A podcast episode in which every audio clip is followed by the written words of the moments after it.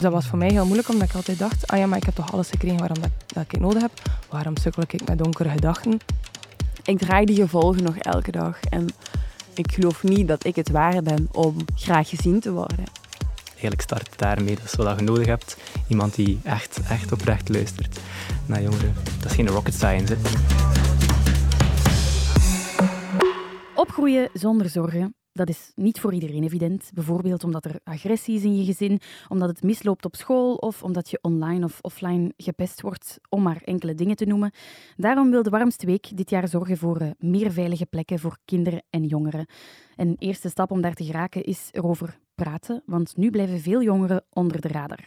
Vandaag heb ik twee gasten aan tafel die geen gemakkelijke jeugd hebben gehad. Jana van de Put. Hallo.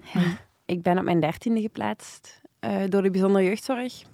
En ja, ik kom een beetje vertellen over hoe dat, dat voor mij was. Charlie de Wulf. Hallo. Hallo, jij zit hier ook omdat je een strafverhaal hebt.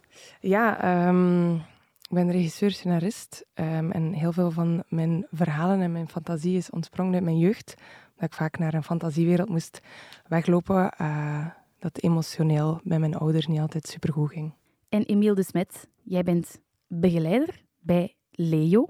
Klopt. Wat is dat? Eh, ja, ik ben eigenlijk jeugdwelzijnswerker, zeg ik liever, uh, bij Leo. Dat is een organisatie die werkt met jongeren in een kwetsbare positie. En zelf werk ik eigenlijk vaak met jongeren, um, zoals Jana en Charlie. Hoe is het om zonder ouders op te groeien? Welke invloed heeft een moeilijke jeugd op latere leeftijd? En hoe belangrijk is jeugdwerk? Dat hoor je in deze aflevering van Snapt je mij nu? Een podcast waarin ik, Orly Boffet, met jullie in gesprek ga over de dingen waar we van wakker liggen. Welkom!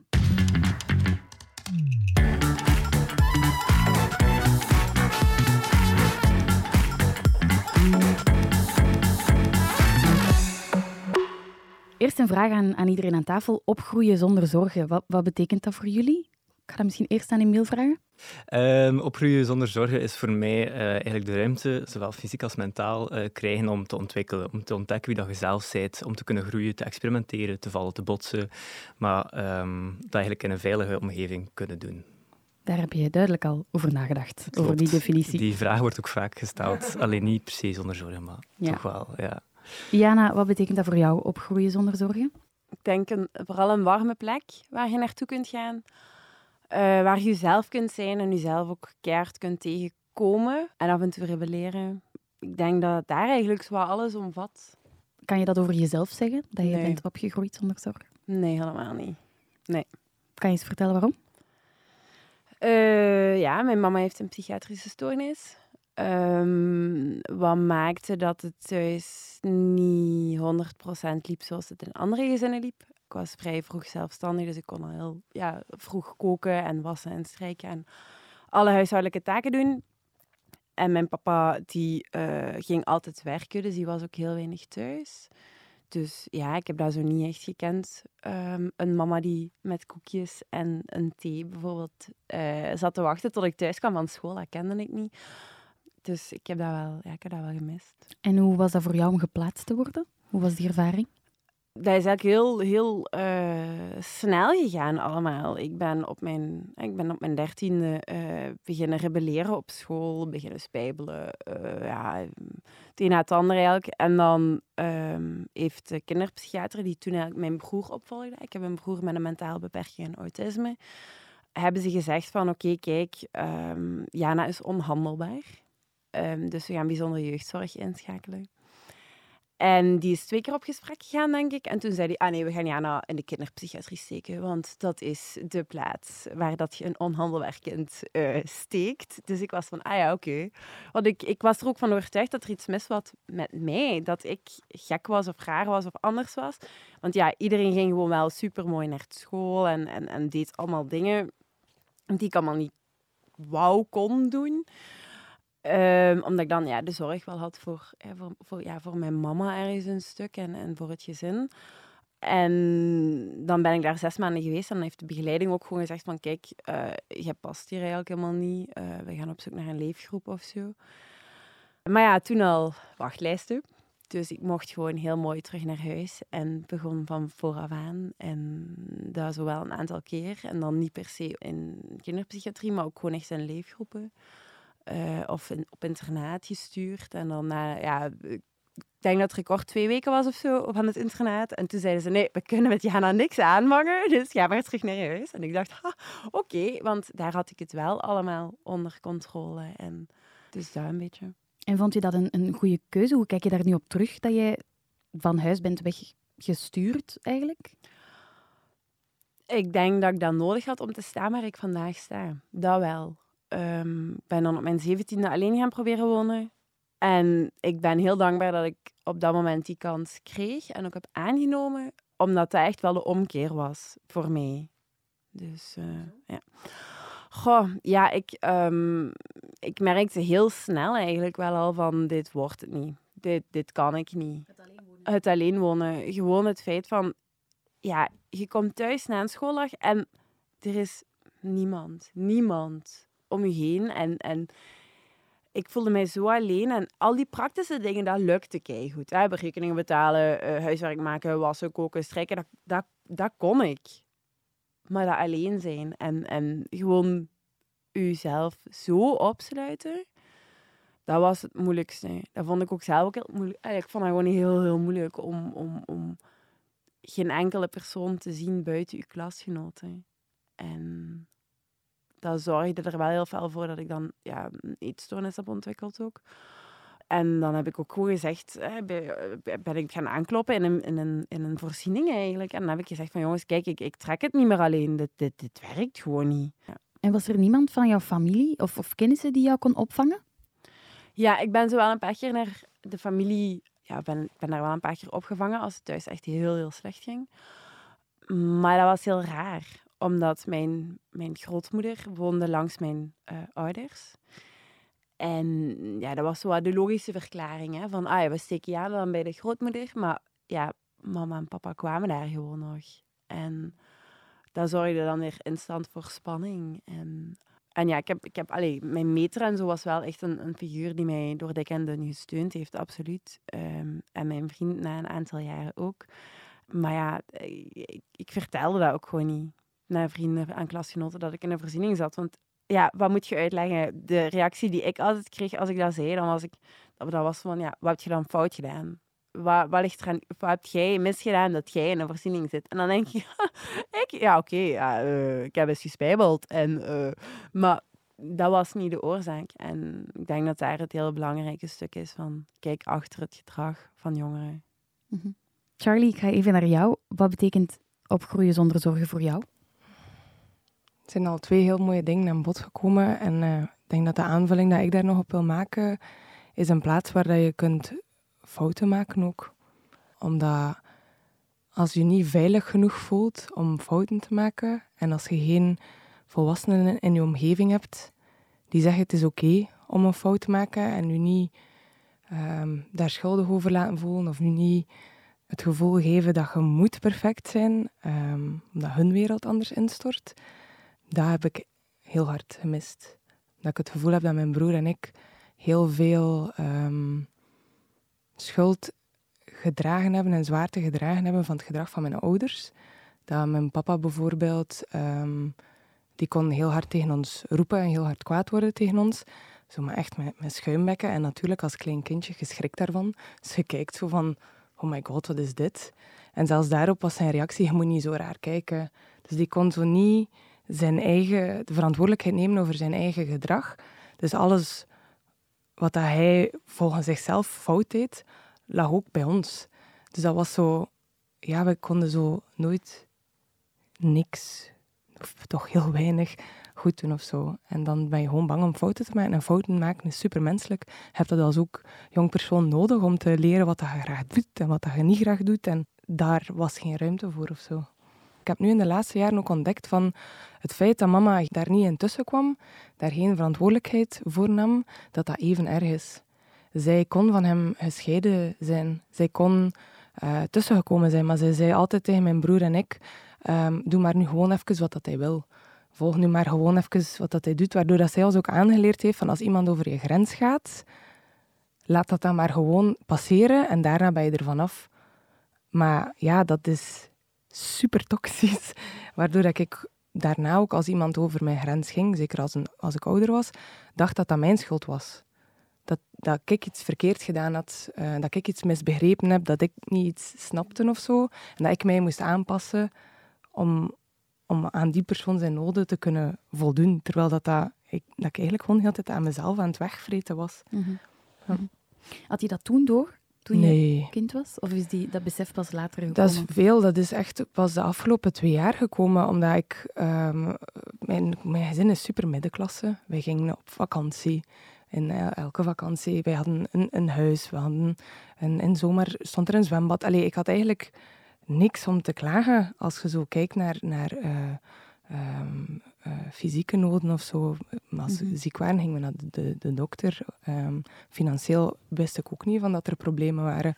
Um, het was een onzichtbare situatie. Voilà, het was echt heel emotioneel. Zowel, allee, en nu, mijn beide ouders zijn uit het leven gestapt, afgelopen jaar. Dus je ziet ook dat die, die hem daar uiteindelijk wel de prijs voor betaald, voordat hij alles probeerde in te vullen met dat financiële en met dat, alleen met ja, keeping up appearances. Mm. Um, dus dat was voor mij heel moeilijk, omdat ik altijd dacht, ah ja, maar ik heb toch alles gekregen waarom dat, dat ik het nodig heb. Waarom sukkel ik met donkere gedachten? Waarom heb ik paniekaanvallen? Waarom kan ik niet meer ademen? Ik heb alles gekregen wat ik moet hebben, waardoor je inderdaad ook weer denkt van, het is jouw eigen schuld, wat dat niet het geval is. Mm -hmm. En dat vind ik wel heel fijn aan, aan de actie in de warmste week, omdat uh, opgroeien zonder zorgen heeft heel veel vormen.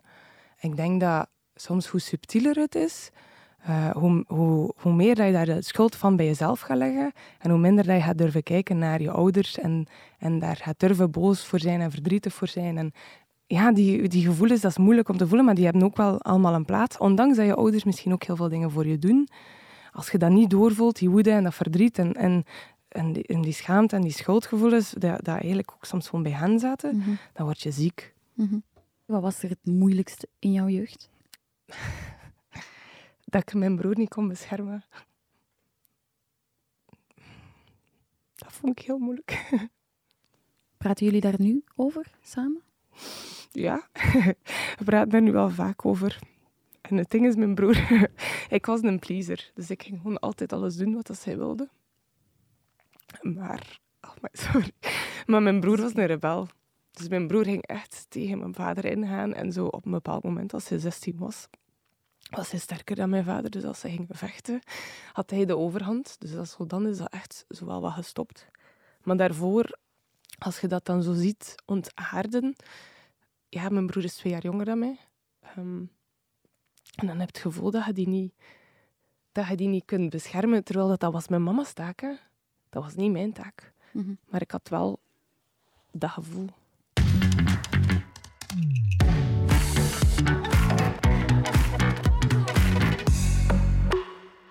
Emiel, jij werkt elke dag met kinderen in gelijkaardige situaties. Ja.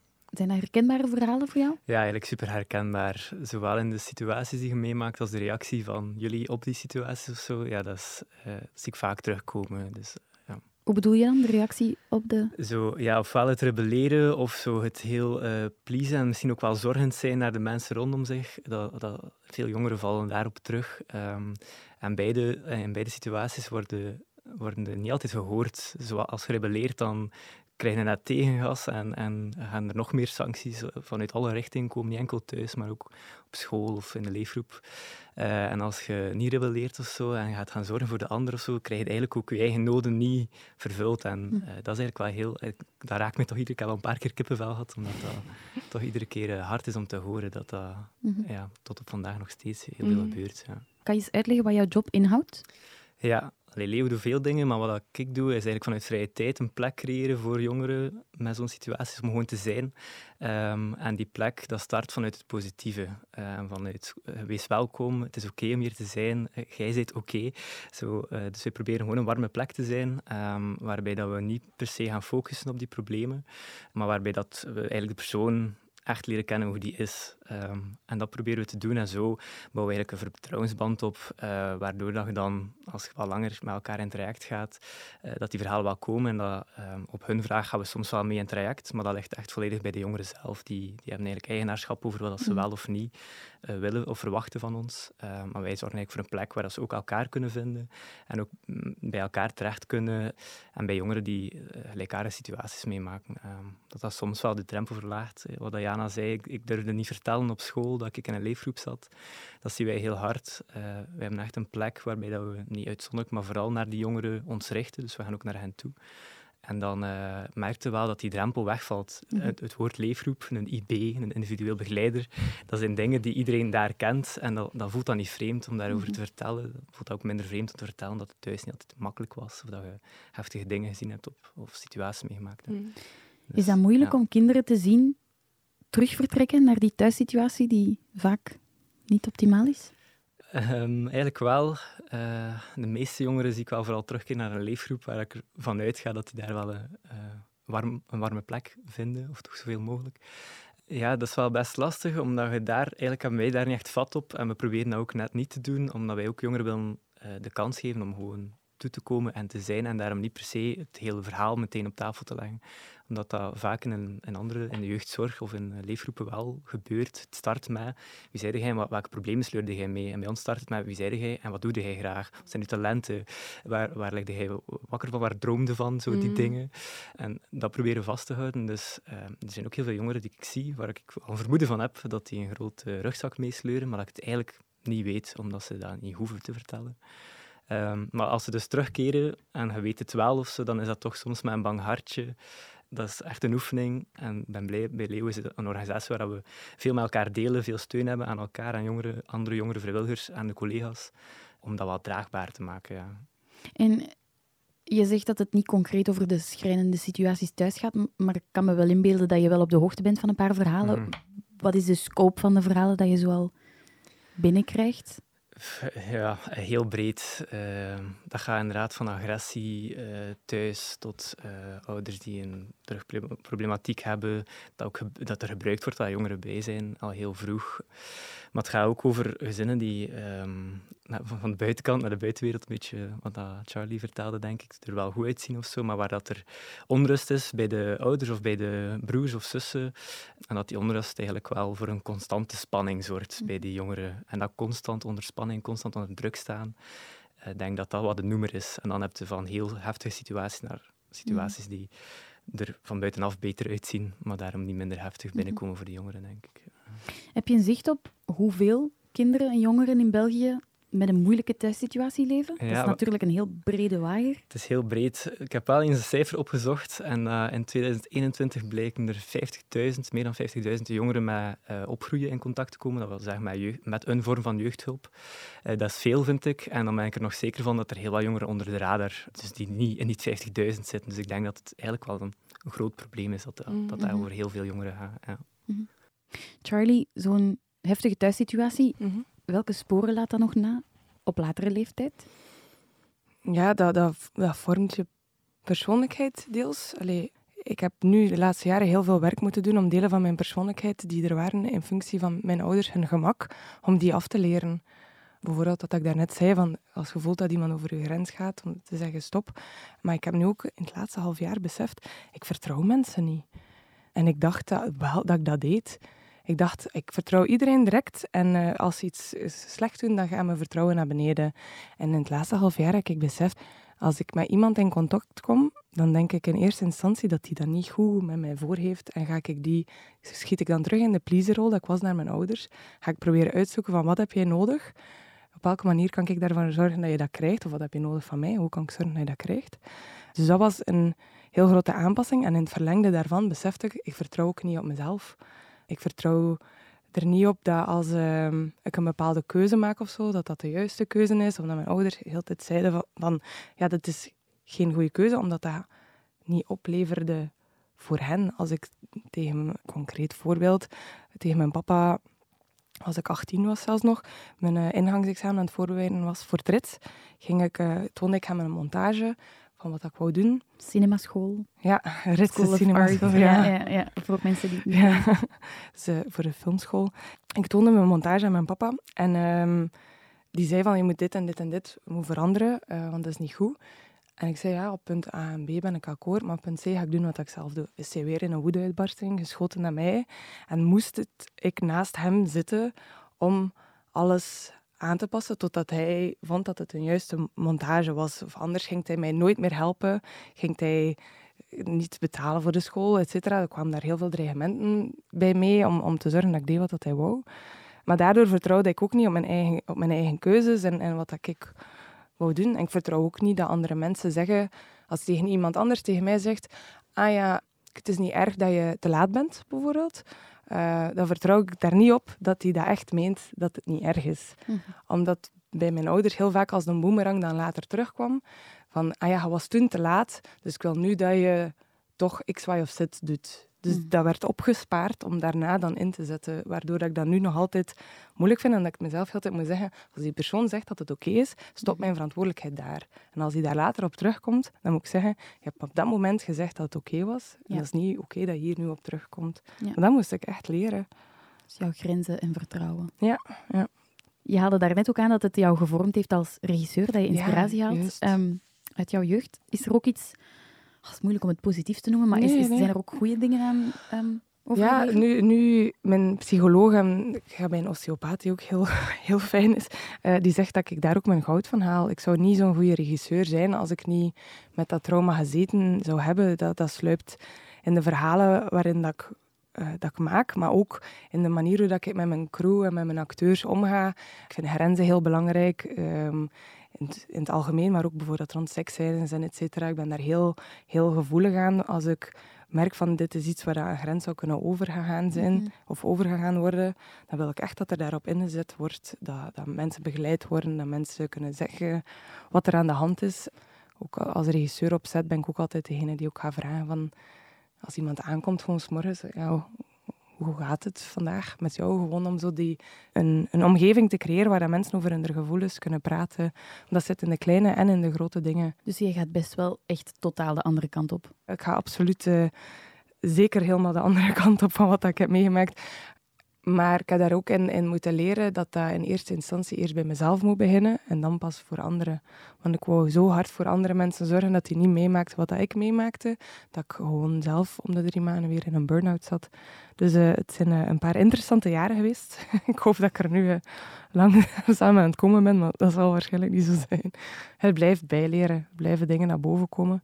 Ik heb het gevoel dat er, als je naar therapie gaat, dat dat zo in laagjes gaat. Het is precies een je gewoon in eerste instantie durven zeggen van ja, dat was thuis eigenlijk niet oké. Dat was zo'n groot obstakel dat in, in C. En nu, te geven. Ja, en nu komt er meer en meer ajuintjes van. Dan, ah ja, oké, ik vertrouw eigenlijk mensen niet. Dat was één hele grote om, om te beseffen, maar dat zit daaronder. Hè. Dus daarmee dat ik hoop dat heel veel mensen, als ze de podcast luisteren en na de warmste week, dat ze ook voor hunzelf durven stilstaan bij wat was er eigenlijk niet oké bij ons thuis. Want het is pas als je aan die laag durft prikken, dat je dan veel dieper kunt graven naar oké, waarom voel ik me eigenlijk niet goed? En ik vind dat zinnetje dat, dat ouders zo soms zeggen van ja, maar het kan niet allemaal aan mij liggen, hè, wat dat er met u aan de hand is. Of er is geen handleiding. Ja, en dat is dus zo. Hè. Er is geen handleiding, maar uh, ik denk wel dat er een bepaalde verantwoordelijkheid mag, mag opgenomen worden door, door ouders, groot of klein. En dat er daar ook geen schande in is en toegeven van ja, ik heb fouten gemaakt omdat ik zelf ja, met mijn bagage zit, et cetera. Maar als dat, als dat niet kan gebeuren, dan, dan, ja, dan pusht je kind echt met nog extra problemen. Want dan is het nog veel moeilijker voor dat kind om maar in eerste instantie te durven inzien van oei, het was thuis misschien niet zo goed. Mm ja. Jana, hoe zit dat bij jou? Ik ben zelf uh, bachelor ortho gaan studeren, uh, orthopedagogie, opvoedster in bijzondere jeugdzorg. Omdat ik dacht, ik ga het hier veranderen. Ik ga de jeugdzorg veranderen. Dat was mijn droom. Ik ging, ik ging meisjes tussen 12 en 21 jaar goed uh, steunen en helpen in hun traject. En ik studeer af en ik ga aan de slag als leefgroepbegeleidster voor pubermeisjes tussen de 14 en de 21 jaar. Oké. En ik denk, help. Help. Waarom? Dat was ik een mini-versie. Confronterend bedoel je dan? Ja. Het kwam allemaal terug en ik was er wel al mee bezig. Ik, ben, ik heb eigenlijk sinds ik in de jeugdhulp ben constant begeleiding gehad. Hè. Psycholoog hier, psycholoog daar, eh, kinderpsychiater. Uh. En ik merk dat ik heel erg op zoek moet gaan naar wie ben ik, waarvoor wil ik staan. En hoe kan ik mijn verleden een stuk een plaats geven zonder die volgens veel mensen capaciteiten en krachten uh, niet uit het oog te verliezen. Want daar geloof ik echt nog steeds niet. Ik geloof niet dat ik het waard ben om graag gezien te worden. En dat zorgt er ook voor dat ik nu compleet hard twijfel en ben ik het waard om mama te worden? Ga ik dat wel goed doen? Wat als ik dezelfde fouten ga maken? Ik draag die gevolgen nog elke dag. En dan denk ik, misschien is het net makkelijker om die ajuin niet open te maken. Terwijl dat ik goed genoeg besef dat dat wel zo is. Hmm. En dat maakt het gewoon heel moeilijk. Dat je daardoor moet. En dat je hmm. je kern van de ajuin die je zo hard laat wenen, wat dat ook letterlijk bij een ajuin is, hè, hmm. dat ik die moet aanraken voordat ik nog maar een beetje terug naar herstel kan gaan. En daar ben je dus bang voor om daaraan te beginnen, of ben je toch wel begonnen? Ja, ja ik ben begonnen. Hè. Ik volg EMDR-therapie. Uh, ja, dat is echt, een, dat is echt de uh, therapievorm next level of zo. En wat is EMDR? voor de leken. Kunt, kunt jij het goed uitleggen? Want... Ja, uh, eh, EMDR-therapie is denk ik de afkorting van Eye Movement Dissociation. Ja, ja. ja. Something. Maar eigenlijk concreet wat dat het inhoudt, is eigenlijk... Trauma is opgeslagen in je hersenen, heel vaak op de rechter hersenhelft. Um, en om trauma te verwerken, moet dat eigenlijk op beide hersenhelften opgeslaan zijn. Dat is een gebalanceerde herinnering. wat dat je doet, is eigenlijk, je gaat terug naar een traumatische herinnering of gevoelens daar rond. En op het moment dat je dat doet, word je duaal gestimuleerd. Dat kan zijn dat er op je beide benen getikt wordt, dat, er zo, dat je een, een lichtje moet volgen met je ogen.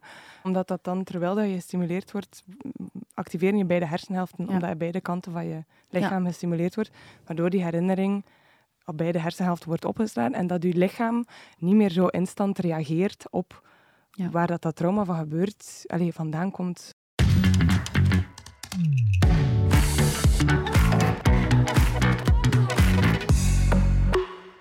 Emiel, um, we horen net twee mensen die, mhm. als ik het zo hoor, mhm. die precies meer mhm. empathie hebben gekregen door wat hen is overkomen.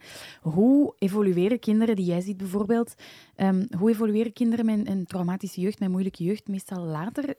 Is er een meerderheid die dezelfde patronen overneemt of, of die toch de, de andere richting uitgaat?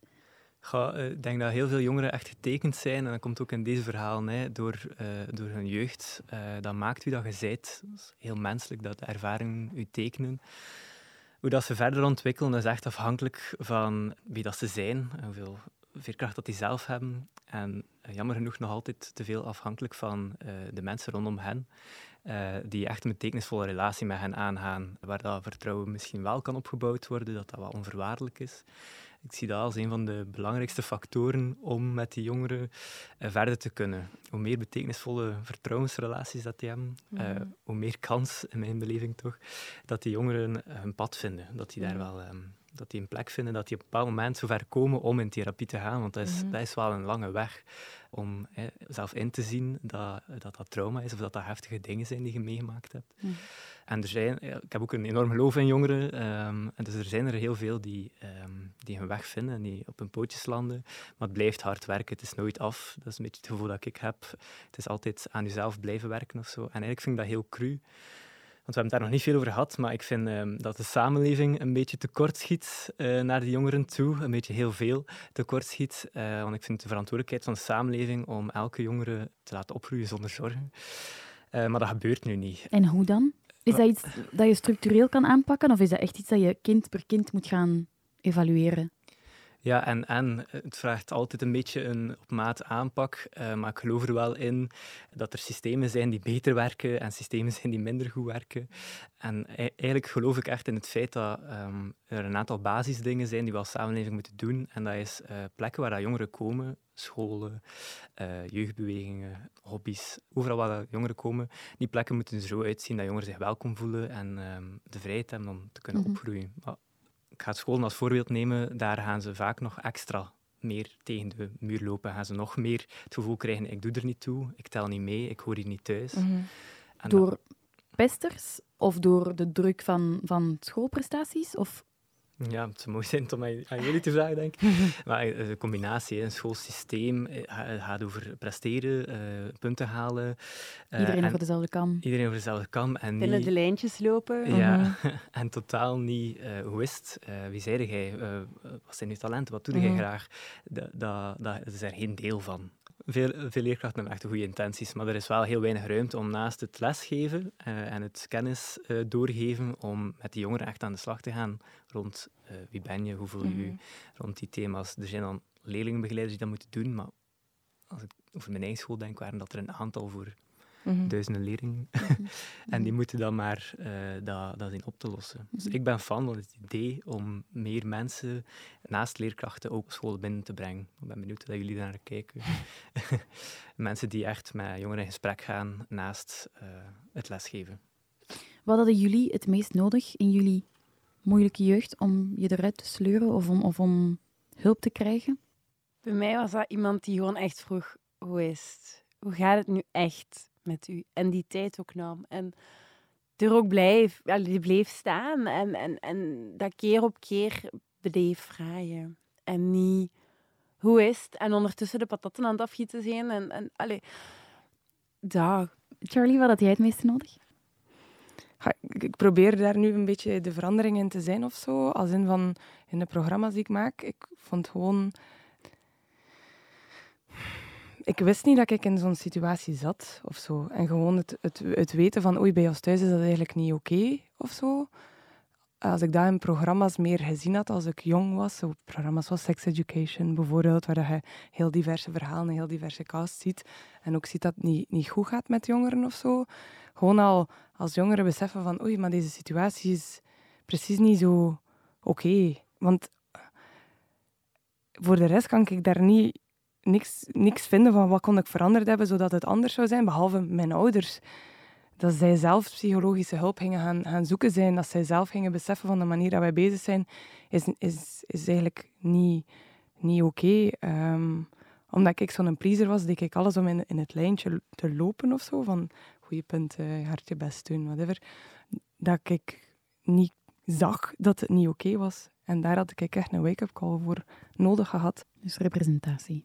Ja, ik denk representatie op, op heel veel, op heel veel mm -hmm. vlakken of zo. Ik ben opgegroeid met wachten zeven. Daarin uh, was heel leuk, maar daarin heb ik het niet gezien. nee, helaas. En spring... Ook mm -mm. niet.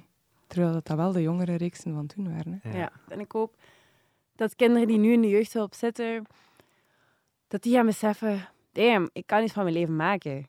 En ik ben niet de persoon die in de goot moet liggen en uh, op mijn achttiende buiten geschot wordt. Mm. Dat hoop ik echt oprecht. Mm. Want dat is zo belangrijk, mm. dat jongeren dromen en kunnen opgroeien. En dus not met een pakketje zorgen, -hmm.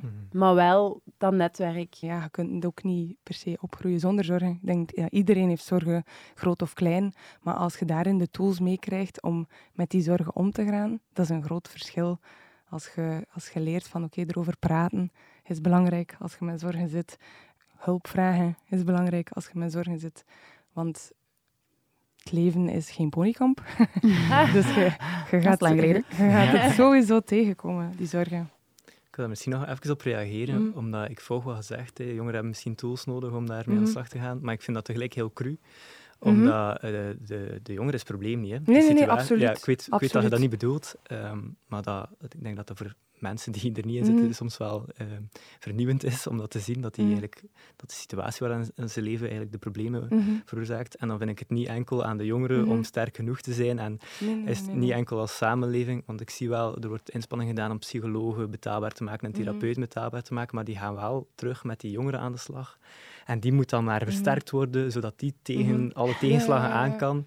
Maar we moeten toch naar een samenleving waar dat gewoon Mhm. aangenaam opgroeien is, waarbij Mhm. dat die jongeren tijd krijgen om te groeien en sterk in de Mhm. schoenen staan en niet steeds moeten opboksen tegen. Dus ik denk, eh, we mogen niet enkel die jongeren versterken. We moeten ook kijken naar die samenleving, dat die beter op maat, zich beter op maat organiseert van jongeren die in een kwetsbare situatie opgroeien.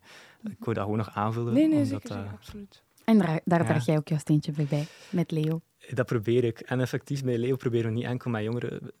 Ons doel is, we versterken jongeren, maar we versterken ook de samenleving om meer op maat te zijn van die jongeren. Dus we gaan ook Mhm. met leefgroepen of met scholen, met leerkrachten aan de slag in de Mhm. hoop dat die meer leren luisteren, want eigenlijk start het daarmee. Dat is wat je nodig hebt. Iemand die echt, echt Mhm. oprecht luistert naar jongeren. En dat is niet eens zo... Dat is geen rocket science, hè. Dat is luisteren naar jongeren. Dat is, Ja. Jullie staan ook op de lijst met projecten voor de warmste week. ja. Wat hoop je daaruit? eh, waarom is dat belangrijk voor jullie? Het is belangrijk voor ons omdat wij dus vanuit die vaststelling dat jongeren vooral moeten gehoord worden, eh, vooral investeren, of heel veel middelen van ons gaan naar personeel, naar, naar mensen om te Mhm. luisteren, eh, waardoor dat we soms wel eh, middelen tekort schieten om eens iets te doen wat dat jongeren anders niet zouden kunnen doen. En dat is ook het project dat we hebben beschreven, Dromen zonder zorgen noemen het. We merken dat voor jongeren in zo'n situatie makkelijk is om te dromen over iets. En eigenlijk willen we met die middelen gaan luisteren, waar droom je van, en dat dan effectief ook te kunnen realiseren. Mhm. Het kan heel simpel zijn door iemand die graag zou willen boksen, maar daar niet toe komt, omdat er geen middelen zijn of zo, dat hij dat kan doen. Maar het kan ook, onlangs ook met middelen die we ergens anders gesprokkeld hebben, een zeilproject kunnen doen. En we zijn met jongeren kunnen gaan zeilen. eh, Mhm. Dus jongeren uit de leefgroep, uit de bijzondere Wauw. jeugdzorg. Mhm. Om die dingen te doen, eh, Mhm. daarvoor zijn die centen ook zeer welkom. Ja. Oké, dan eh, ga ik het gesprek hier afronden. Ik vind het heel straf dat jullie die verhaal zo vlot en, en zo sterk hier hebben gebracht. Dus eh, dank jullie wel daarvoor. Dank je wel, Emiel, om hier ook even te komen praten. Ja, heel fijn, merci. Merci, Charlie, Emiel en Jana. Het zou kunnen dat je na deze aflevering met veel vragen zit, of misschien herken je jezelf wel in de verhalen van Jana en Charlie. Als je nood hebt aan een babbel, kan je gratis en anoniem terecht bij AWEL of Teleonthaal. Merci voor het luisteren en tot de volgende keer.